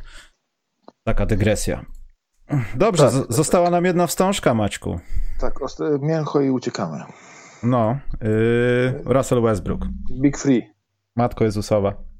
Big Free. Nie potrafię sobie tego wyobrazić, ale jednocześnie widzę to y, w samych dobrych barwach. Nie wiem czemu. Y, jeśli wszyscy będą zdrowi, to no nie wiem, może troszeczkę będę kibicem Lakers, bo to jest ta koszykówka, którą, którą wszyscy uciekają od tego Big Free. Nie chcemy tworzyć super jakiejś hydry, a tymczasem w Lakers, ja wiem, że Lakers są też w takim położeniu, a tam w zeszłym roku wszyscy mówili, że zdobędziecie tytuł, posypaliście się, LeBron ma 100 lat i co zrobiliście? Ale wydaje mi się, że dwie rzeczy. Jeśli Russell Westbrook nie, znowu ana, analogia do Matrixa, jeśli on tego nie przeskoczy, to już nie będzie następnych skoków.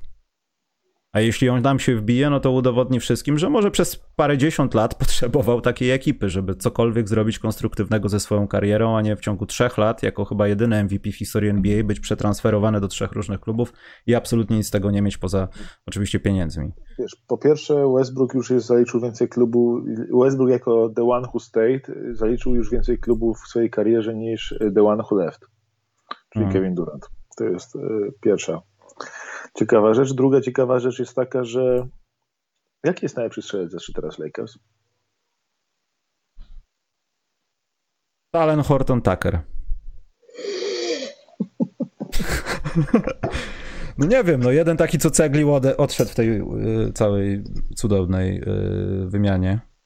Po co im trójki, Maciek? Wprowadzasz tutaj niepotrzebne jakiś hejt znowu. W sensie, jeśli oni nie mają dealu, sign and trade na Denisa Schroedera gdzieś, jeśli oni mają dealu na tego na, na Denisa and trade, to ja ni cholery nie wiem, co oni robią teraz.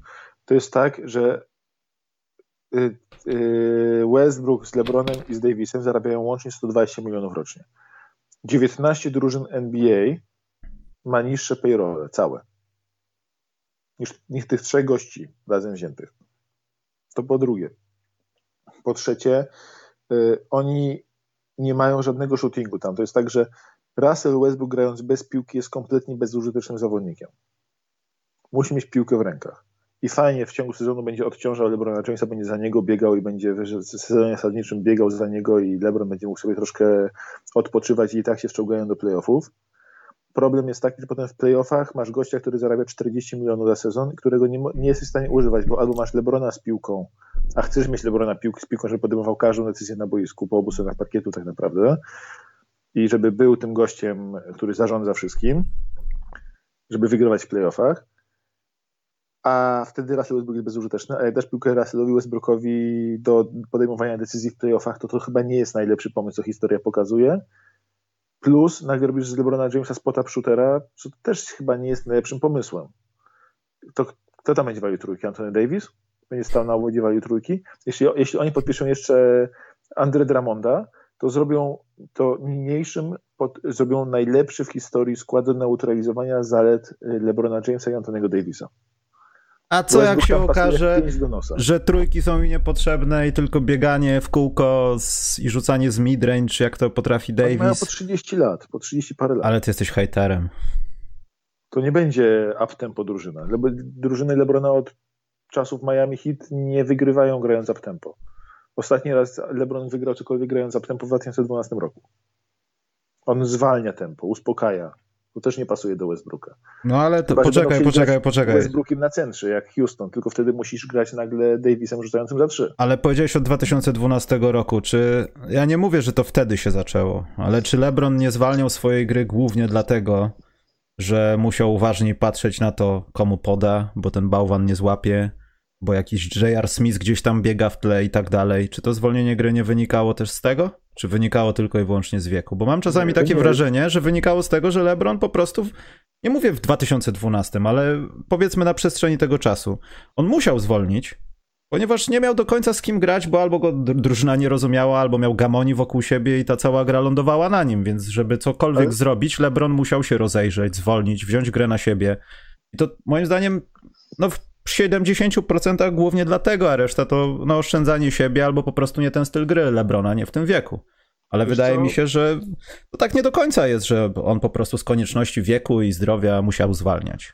Wiesz co, dla mnie to jest taka dziwna akcja z tym, w sensie nie dziwna, to jest takie, że LeBron po prostu grając ograniczał ilość posiadań w meczu, a dzięki temu w każdym pojedynczym posiadaniu jego drużyna miała najlepszego zawodnika na boisku. No tak. I jeśli miał, o, tak, i to jest tak, że y, jeśli masz tak dobry, tak jednego, tak dominującego gracza względem pozostałych, no to do swojego tempa to dopasowujesz, do, dopasujesz do jego tempa i jest tylko walka o próbę zabrania mu tego tempa i przesunięcia mecz w inne tempo. LeBron kontrolował idealnie to tempo, od 2015-16 roku nauczył idealnie kontrolować całe tempo grania. E, to samo ma tylko te trzech, czterech gości w lidze i podobno Kate Cunningham, dlatego Kate Cunningham jest takim świetnym graczem, pogadajmy o drafcie. E, ale LeBron ale LeBron generalnie ma tą kontrolę tempa i grasz w jego tempie, bierzesz Russella Westbrooka, no to będzie grał w innym tempie i fajnie, że mają ten przełącznik, tylko ten przełącznik, oni tak do playoffów wejdą. Problem jest w playoffach. W playoffach nie będziesz grał tempem Russella Westbrooka, tylko będziesz grał tempem LeBrona Jamesa. Nie, będziesz grał tempem gry. Nie będziesz szukał swojego tempa, tylko będziesz starał się znaleźć pęknięcia u przeciwnika i to wtedy Ale jest... pęknięcia u przeciwnika są wtedy, kiedy grasz tempie LeBrona Jamesa. Kiedy on podejmuje decyzje na, na, na boisku wszystkie. No tak, ale I... wiesz, jak on widzi, że oni się nie ruszają, no to on zaczyna na przykład przyspieszać, nie? Trochę łamać, podawać, przechodzić tak, szybciej ale... do transition czy coś. Nie wiem, według mnie Westbrook i LeBron to już tam z rok czy dwa lata temu pojawiały się plotki o Westbrooku w Lakers i zawsze było wydawało, że jest nawet dwóch dwóch y, graczy, którzy najbardziej do siebie nie pasują w graniu o coś, bo też nie, Westbrook to nie jest gość, którego wypuścisz w obronie na, jak, jak po prostu wściekłego psa, który będzie dusił ludzi, no bo on y, będzie dusił gościa przez 5 minut, a potem się zagapi w chmurkę i gość mu sobie zetnie za plecami i zrobi łatwy sad. Więc to ja nie ten, nie, nie czuję tego transferu. Według mnie to jest gigantyczny błąd Lakers, ale pewnie oczywiście okaże się, że LeBron jest mądrzejszy ode mnie i pozyskał Westbrooka, bo wie, że już siedmiu strzelców na free agency czeka każdy z kontraktem po milionie dolarów i będą wszyscy rzucali trójki dla niego przy Westbrooku. Ale to, w tym momencie mi się to nie podoba. To w drugim takim spojrzeniu na to Bradley Bill raptem już nie chce odchodzić z Waszyngtonu. Ja myślę, że on cały czas jest taki nie wierzę w to też. Odszedł. Nie, ja myślę, że on by chętnie odszedł, ale nie na tyle, ale nie chce żądać transferu. I no wiesz, ciekawy taki mały wrzut jest taki, że podobno, podobno KCP się buja z Billem od czasów AAU i są najlepszymi przyjaciółmi. Mhm. E, że to podobno jest fajne dla Billa. E, Wizards, wiesz, pozyskali Wizards zrobili coś niesamowitego, bo oddali kontuzjowanego gangstera za Westbrooka, dopłacając tylko jakimś słabym pikiem. E, te, potem Westbrooka zamienili na masę bardzo elastycznych, wygodnych kontraktów, bo są kontrakty po 10 milionów dolarów, pozyskując przy okazji jednego młodego gracza, który a nóż widelec czyli Kuzma, dobrego roleplayera, czyli KCP, drugiego dobrego roleplayera, czyli Montresta Harela i jeszcze dostali tutaj znowu pick od Lakers, więc yy, i to taki realny 22 pik w drafcie, więc fantastyczny ruch dla mnie. I sobie z tym 22 pikiem pozyskali młodego, fajnego, wyskakanego centra, więc yy, Wizards w ciągu tak, to zrobili Wizards deal z Lakersami, a najbardziej są wydamani Houston Rockets, którzy kupili Westbrooka za cztery pierwsze rundy i All NBA gracza, dostali za niego tylko jakiś przyszły fantomowy pik i teraz, y, i teraz się okazuje, że Westbrook jednak ma wartość i można było go sprzedać za coś sensownego. Przypomina mi to film taki, nie pamiętam tytułu, ale o gościu, który spotykał się z laskami to tak hurtowo i potem każda z nich była zaręczona i wiodła szczęśliwe życie, tylko nie ten gość. I Russell Westbrook jest trochę tym gościem. Sypia z tymi laskami, odchodzi, a potem te laski zaczynają mieć po prostu magiczne życie, usłane różami i tak dalej. Coś takiego jest. No potem, tak, coś takiego, coś takiego jest. No i Westbrook teraz idzie, ten, i w sensie Wizards będą fatalni teraz. No, no też dobry y, twój y, przyjaciel Mateusz Babiarz świetnie napisał na Twitterze, że teraz Wizards mają, że teraz Wizards mają To jest ten syn Przemysława Babiarza?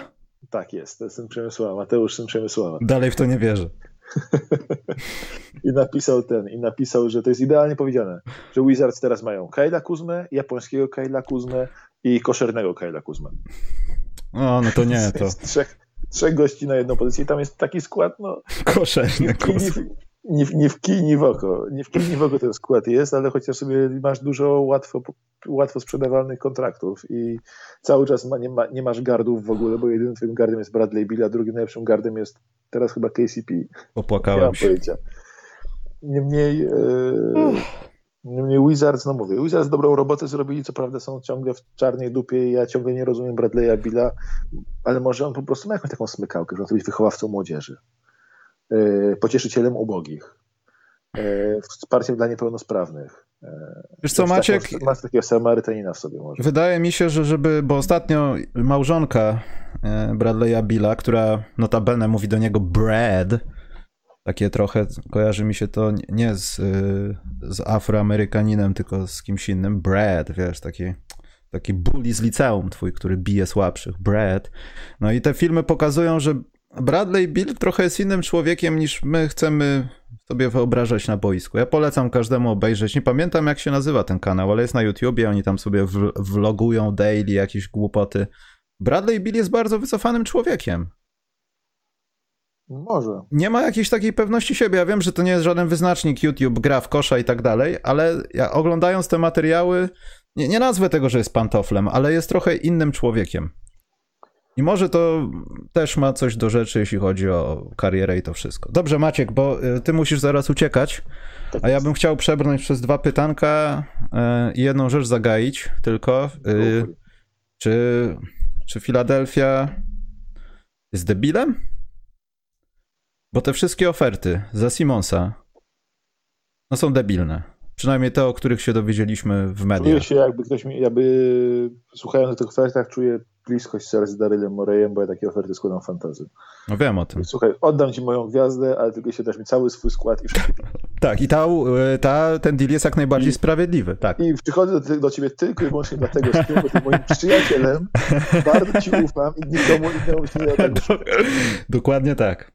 To tylko dla tak, twojego to, dobra jest. Dla, dla twojego dobra, słuchaj, patrz jak ci to pomoże. Nie będziesz hmm. miał co prawda składu, będziesz miał Bena Simonsa. Ja wiem, Maciek o tym. Oddasz mi Stefa Kerego, siódme, siódemkę, czternastkę, Weissmana, dwa przyszłe piki, yy, Draymonda Greena, Kleja Thompsona i Hale w San Francisco, i be, ale będziesz miał Bena Simonsa. I złoty medal Polaków na igrzyskach. A, czekaj, czekaj. I, tak jest. I złoty medal, jak Polacy już wygrają. San Marino obiecali, z ilości medali. Obiecali, obiecali, więc zdecydowanie tak. Daryl Morey jest, jest szalony. Nie, ale słuchaj, czy tak w skrócie, czy, czy, czy to doprowadzi do tego, że w końcu ktoś się skusi, albo Morey opuści pieniądze, ofertę, czy po prostu będą opuści. takie zaporowe oferty i nic z tego trade'u nie wyjdzie? Nie, to jest gra na szukanie desperata lub debila. No. Ale teraz patrz, jakby wystarczająco długo będzie nawijał makaron na uszy, widzę, że te 6 pików to jest wartość Bena Simonsa, tak komuś sprzeda go za 3, to nagle ten ktoś powie w sumie, no w sumie nie, nie wyszło tak źle. Tak, to, to jest, no, wiesz, podbijanie ceny, żeby ją zbić, która i tak jest za wysoka w, w kierunku normalnej zawyżanie, ceny. Zawyżanie oczekiwań. Takie, takie... Tak, może, Maciek... Może to, tylko problem jest taki, że wszyscy w NBA to wiedzą. Maciek fantazy, dokładnie tak. Problem jest taki, że wszyscy w NBA to wiedzą, co on robi, więc yy, tu jest kłopot. Druga, yy, no i to tyle chyba w tym temacie. Dobrze, pytanka jakieś. Yy, tutaj jest jedno pytanko. Bo tutaj już napisałem, e, że e, o tym tweet, tweetie o Polakach na igrzyskach, że powinniśmy im dziękować i że powinniśmy, nie wiem, może nie zwracać uwagi na to, co się stało. Mi chodziło o to, że podziękowania się im na, po prostu należą. Zrobili robotę, nie przegrali spotkań do zera. Te spotkania były na krawędzi. Mamy prawo ich krytykować, mamy prawo mówić różne rzeczy, ale z drugiej strony powinniśmy się, i dlatego napisałem, że ci, którzy nie grali jeden na jeden, w, nawet u siebie gdzieś tam na wsi z kolegami, sędziego sobie z kartonu zrobili, nie urażając nikogo. To jak się gra w drużynie, w jakichś turniejach o coś, to są takie momenty, kiedy siedzisz w szatni z gościem, którego nie możesz wyrzucić ze składu, bo wiesz, że mimo wszystko jest jakąś twoją siłą, ale nie idzie z tobą żyć, jako z tym gościem. Nie możesz na tego gościa patrzeć, potem musisz wychodzić z nim na boisko E, wiesz, że we trzech nie będziecie grać. Potrzebujecie zmiany. Jesteście w środku turnieju. Ten gość was też trochę wciąga w błoto. Wy nie możecie go zabić, zakopać w tym Tokio albo powiedzieć mu od dzisiaj masz grać inaczej, bo to też się nie stanie. A z drugiej strony mówię o Hicksie. A z drugiej strony Hicks też chciał poprawić całą tą sytuację. Ja nie wierzę w to, że on rzucał wiedząc o tym, że cegli. I że nie wraca do obrony wierząc o tym, że ten gość nie trafi albo że, że stanie się cud. Mogę, Poczekaj, dokończę. Z tymi podziękowaniami po prostu chodziło mi o to, żeby zamknąć oczy na to, co się stało. Trudno, stało się to, co się stało. Podziękujmy. To były pierwsze igrzyska. Jestem pewien, że no może do następnych nie dojdzie, bo świat już to 3 na 3 tak dogoni, że będziemy nigdzie i będziemy nikim w tym sporcie. To też jest możliwe. Natomiast wydaje mi się, że nie ma sensu tam hejtować jednego z drugim, ponieważ też trzeba powiedzieć, co w, to, co w tym 3 na 3 znaczyliśmy. Po Mistrzostwach Świata nasze rankingi i tak dalej spadaliśmy trochę w dół. I to, że powstał klimat, że jesteśmy pewniakiem do igrzysk, no to mam wrażenie, że to ludzie napompowali ten balon. A nie, że napompowały to rankingi, które nie mają nic do tego. Dlatego uważam, że hejt hejtem, jakieś kąśliwe uwagi kąśliwymi uwagami, ale powinno się też zrozumieć, jak to jest być w szatni z kimś, kto może jest toksyczny, albo myśli, że inni są toksyczni, jest, są nieporozumienia, bagno wciąga słabej gry i ciężko się z niego wydobyć. I no tak po prostu jest, dlatego w tej sytuacji wy, wypada tylko podziękować za trud olimpijski, bo to mimo wszystko jest wyróżnienie dla każdego sportowca, który tam się znalazł, niezależnie od wyniku. I przejść dalej. A nie gadać w kółko, że a, polska kadra seniorów, Higgs do dupy. Najbardziej denerwowały mnie te takie jakieś niskie skojarzenia, a, po co nam ten murzyn? No bez tego Murzyna byśmy tam nie byli, bez tego Murzyna nie zdobylibyśmy tego, tamtego i srego. Niestety trzeba oddać cześć i chwałę. No. Kix no. uruchomił nasze 3 na 3 co byśmy o tym nie myśleli. No, dla mnie jest, to jest bardzo proste tak naprawdę. To jest tak, że ta kadra jest, y, to nie jest tak, że tylko szykowało się czterech gości na tą kadrę, do igrzysk. Tam się szykowało wielu ludzi, prali się, walczyli twardo na treningach, potem zbijali piątki, bardzo się starali grać na igrzyskach, y, wielu ludzi się starało, to nie jest tak, że było to czterech jedynych. Problem jest taki, że po pierwsze, ta czwórka była bardzo zgrana. W 3 na 3 to jest niewiarygodnie ważne, żebyś w ciemno wiedział, czy, czy, co możesz polegać, żebyś wiedział, że przy tym rzucie pewnie on trafi, przy tym rzucie nie trafi, że, na to, że tu mu podać i tak dalej. To jest bardzo, bardzo ważne, żeby być zgranym. E, Hicks, Michael Hicks to jest gość, który jest, był najważniejszym gościem na polskiej kadry ostatnich pewnie 10 lat czy od, a na pewno pięciu. To jest facet, który y, robił jakby nam grę. Dzięki niemu mieliśmy taki ranking, jaki mieliśmy, żeby mieliśmy takie rozstawienia w kwalifikacjach i tak dalej. Dzięki niemu mieliśmy medale dużych e, mistrzostw. Brązowy medal Mistrzostw Świata to jest jego genialny rzut w, w kluczowym momencie z Serbią. I to nie był fart. To nie był fart. On takie rzuty często trafia. E, takie dagery, jak budował z Chinami, tutaj u nas trafiał z reguły. Z reguły, jak jest 19-15 dla kadry albo i kick zostaje piłkę, to już przeciwnik właściwie kładzie się na boisku i przeprasza, bo on wiadomo, że on trafi z 10 metrów, bo on takie rzuty kocha i trafia. To jest jakby w kwalifikacjach taki rzut trafił super ważny w pewnym momencie.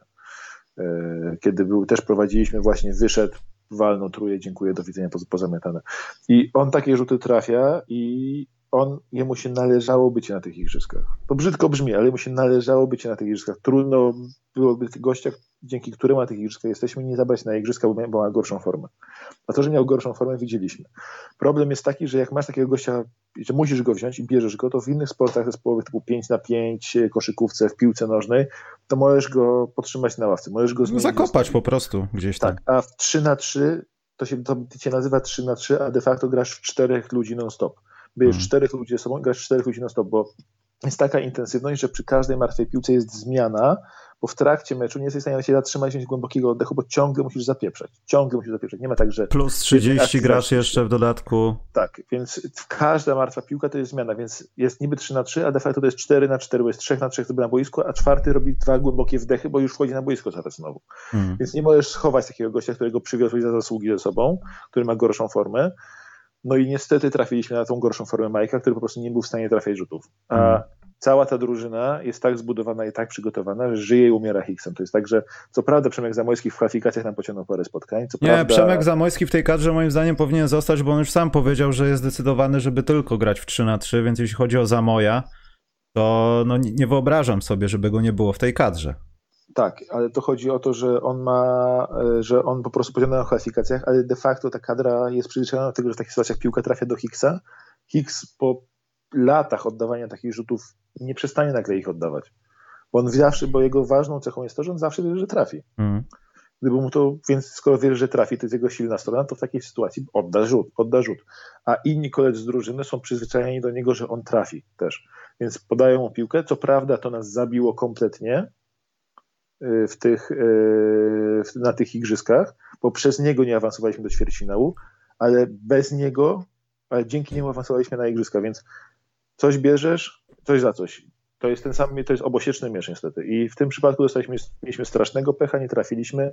Byśmy zupełnie inaczej rozmawiali o tej kadrze, gdyby jedna trójka z tych ośmiu oddanych, w końcówce czy tam siedmiu oddanych, z Chinami wpadła. Mm, to prawda. mieli zupełnie inną rozmowę. Poza tym, I, no. trzeba podziękować im. Tak, ta, ta kadra w tej formule się kończy, bo pewnie już i Paweł Pawłowski i Hicks już w kolejnej kadrze tej takiej na igrzyska nie będą trudno, żeby byli w tym wieku i przy spadających możliwościach fizycznych. E, ale i trzeba im prostu podziękować. Bowdown, szkoda, że mieliśmy pewnie jedyną szansę medalową w koszykówce od w historii pewnie i na najbliższe lata, bo tak. za trzy lata będą już zupełnie, będzie być podejrzewam dużo wyższy poziom zawodników, bo się wielu graczy amerykańskich, wiele ludzi w Stanach się jarało ten 3 na 3 ale to jest emocjonujące, jarało się kobietami i turniejem kobiet się jarało jak grają i tam jest już duża napinka, żeby za rok, za trzy lata pokazać. Tak, więc tam przyjdą i tacy ludzie, że zdmuchną konkurencję, więc szans i pewnie w innych krajach tak samo będą poważniejsi gracze niż teraz. Dlatego mówię, że może na... na medal. Szkoda, szkoda, ale trzeba im podziękować. Na że możemy po prostu mieć taki moment jak z Mistrzostwami Świata, że jakoś tam medialnie nie przekuliśmy tego w popularyzację koszykówki, a teraz mamy to z 3 na 3, że być może przespaliśmy szansę, kiedy, no co by nie mówić, my byliśmy jednym z pierwszych krajów, który gdzieś tam się z innymi mocował i był lepszy od innych. Jeśli tak. chodzi o oficjalne rozgrywki. Byliśmy, myślę, jeśli chodzi o siłę przed igrzyskami, byliśmy czwórce, piątce zespołów, które były, y, w, myślę, że w trójce, czwórce zespołów, które były naj, najbardziej prawdopodobnymi medalistami, ale żeby było śmiesznie, na przykład Rosjanie zdobyli srebro, mimo że byli poza tą czwórką zespołów. No tak, specyfika no. turnieju, specyfika turnieju też to nam nie służyło, jak się okazuje, w tym wieku gorsza regeneracja jest, grasz dwa bardzo intensywne mecze codziennie, w World Tourze masz dzień przerwy między, tak jak grasz w World Tourze grasz dwa mecze jednego, nie masz dzień przerwy, znowu grasz.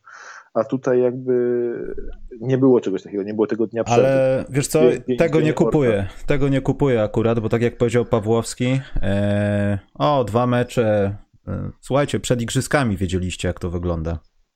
Tak. Było się przygotować. Było poczytać trochę o amplitudach rocznych temperatur i zrobić wszystko, żeby przygotowanym być mniej Nie, więcej ale- na trzy dychy dwa razy dziennie. Mówię o Ale temperaturze i Możliwe- warunkach.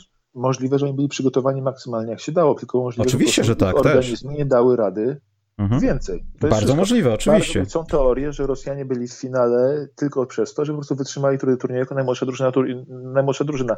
Ja tego nie kupuję akurat, ale im Ale coś w tym jest, lepiej no. regenerujesz. No. Ja- Jak teraz idę po koszykówce, idę na koszykówkę, to bolą mnie oba kolana, obie kostki, a rano się budzę połamane. A kiedy, a, I to idę na dwie godziny. A y, 8 lat temu, czy 10 lat temu szedłem na koszykówkę, grałem 5 godzin na agrykoli w 35 y, 35-stopniowym upale, kładłem się spać, a następnego dnia szedłem znowu grać na agrykoli 5, 5 godzin w 35-stopniowym upale, więc to jest Mm. inna regeneracja zupełnie, to rozumiemy jakby, tak, ale no mówię, ja bym akurat ich tak bardzo nie jechał, y, strasznie mi jest przykro, bardzo im kibicowałem, że nie udało się, no ale y, szczerze mówiąc fajnie, że szerszy odbiorca zobaczył jak efektowny, jak ciekawy to jest sport. Raz, a dwa, że ten odbiorca, który może i w kosza nie grał jakoś, ale zdarza mu się z chłopakami gdzieś czasem wyjść na dwór, e, widzi porównanie, że to jest to samo. Tak. Że Tak, mniej tak. więcej, może nie wyprowadzasz piłki po koszu, tylko musisz wyjść za to trzy, jak gracie na jeden kosz, ale to pokazuje, że to jest tak naprawdę to, co wy robicie, więc tutaj nie ma żadnej przeszkody, żeby to trenować, grać w turniejach tak naprawdę, bo robicie to od lat i to jest chyba takie najbardziej chwytliwe w tym wszystkim. Uff, dobrze, y, to możemy kończyć, no? Możemy kończyć, ja mogę kończyć już, bo tutaj jest, no, chyba, że coś jeszcze masz. O drafcie. Nie, bo tutaj, bo to Game 7 tutaj zagaił to, co ja tam powiedziałem, a jeśli chodzi tutaj o Game 7, o to, że nie pałam zbyt wielką sympatią do piłkarzy, to nie o to chodzi, nie. Każdego sportowca trzeba szanować, tylko mam takie trochę... No problem z piłką nożną jest taki, że ci goście zarabiają kolosalne pieniądze, grają w jakichś ligach, Bóg wie, co się dzieje, przyjeżdżają na turniej i tak jakby ich no, wyrzucili gdzieś na ukraińskiej Ej. wsi z ciężarówki kazali kopać ziemniaki. Jeśli mogę coś powiedzieć, tylko ja piłkarze po prostu, ja piłki nożne jako sportu i ludzi nie przepadam. Hejter, typowy hejter. Typowy hejter. Ja nie będę mówił, ja znam kilku piłkarzy, są w porządku, Ja też znam tych, którzy, tych, których znam są w porządku, a cała reszta pewnie nie. ale głównie z B-klasy, dlatego może są w porządku Są w jeszcze. porządku, ale tylko moi kumple. Dobrze. E, Ostatnie pytanie, czy Noculak jako trener, komentator hot or not? Nie powinien... Maciek nie, Maciek nie, Maciek, ja, Maciek, ja nie pamiętam twój... mówić tego, y, ale nie powinien się według mnie wypowiadać y, w sieci. Nie ma zbyt dobrych, to jest gość, który jedyny sukces y, jako trener odniósł 30 parę lat temu jako Mistrzostwo Polski Under 16 y, dziewczyn zdobył i to jest jego największy sukces y, trenerski ever. Jako trener kadry 3 na 3 nie sprawdzał się delikatnie rzecz ujmując. Nie był trenerem tak I- naprawdę tej i- kadry, trzeba też tak, powiedzieć. Był, był, był takim komiwojażerem. w zasadzie, no. GM-em, komiwojażerem, at- atrakcją turniejową. I szczerze mówiąc, za- za Renkiela i teraz jeszcze Arek Kobus, jak tam pomagają i tak dalej, ta drużyna gra dużo nowocześniej, gra bardzo usystematyzowaną obronę, są pomysły bardzo wyraźne na atak, są takie zagrywki pod 3 na 3 jest obrona pod 3 na 3 Nawet jeśli możemy jebać tą kadrę teraz y, za to, jak zagrali, bronili konsekwentnie, że nie dawali rzucać za trzy. Dostawali pod koszem straszne bańki, ale nie dawali, ale nie bronili chociaż trójki bardzo dobrze i ta skuteczna ta obrona, jak pisał y, Kobi, obrona follow, tak, że chodzili, że latali nad zasłoną, odcinając trójkę, niech goś penetruje z dwojga złego. To działało, trójek zespoły przeci- przeciwko nam nie trafiały. No problem jest taki, że my też nie trafialiśmy swoich trójek. I tyle mogę powiedzieć. Noculaka jako komentatora, jako trenera y, nie przepadam za nim i w sensie jest przesympatycznym człowiekiem na żywo, żeby nie było. Ale jako osoba działająca przy koszykówce według mnie nie powinien się wypowiadać też o kadrze, zwłaszcza, że z tej kadry jako trener wyleciał, więc to jest tak jakby Brzęczek wypowiadał się o Sousie.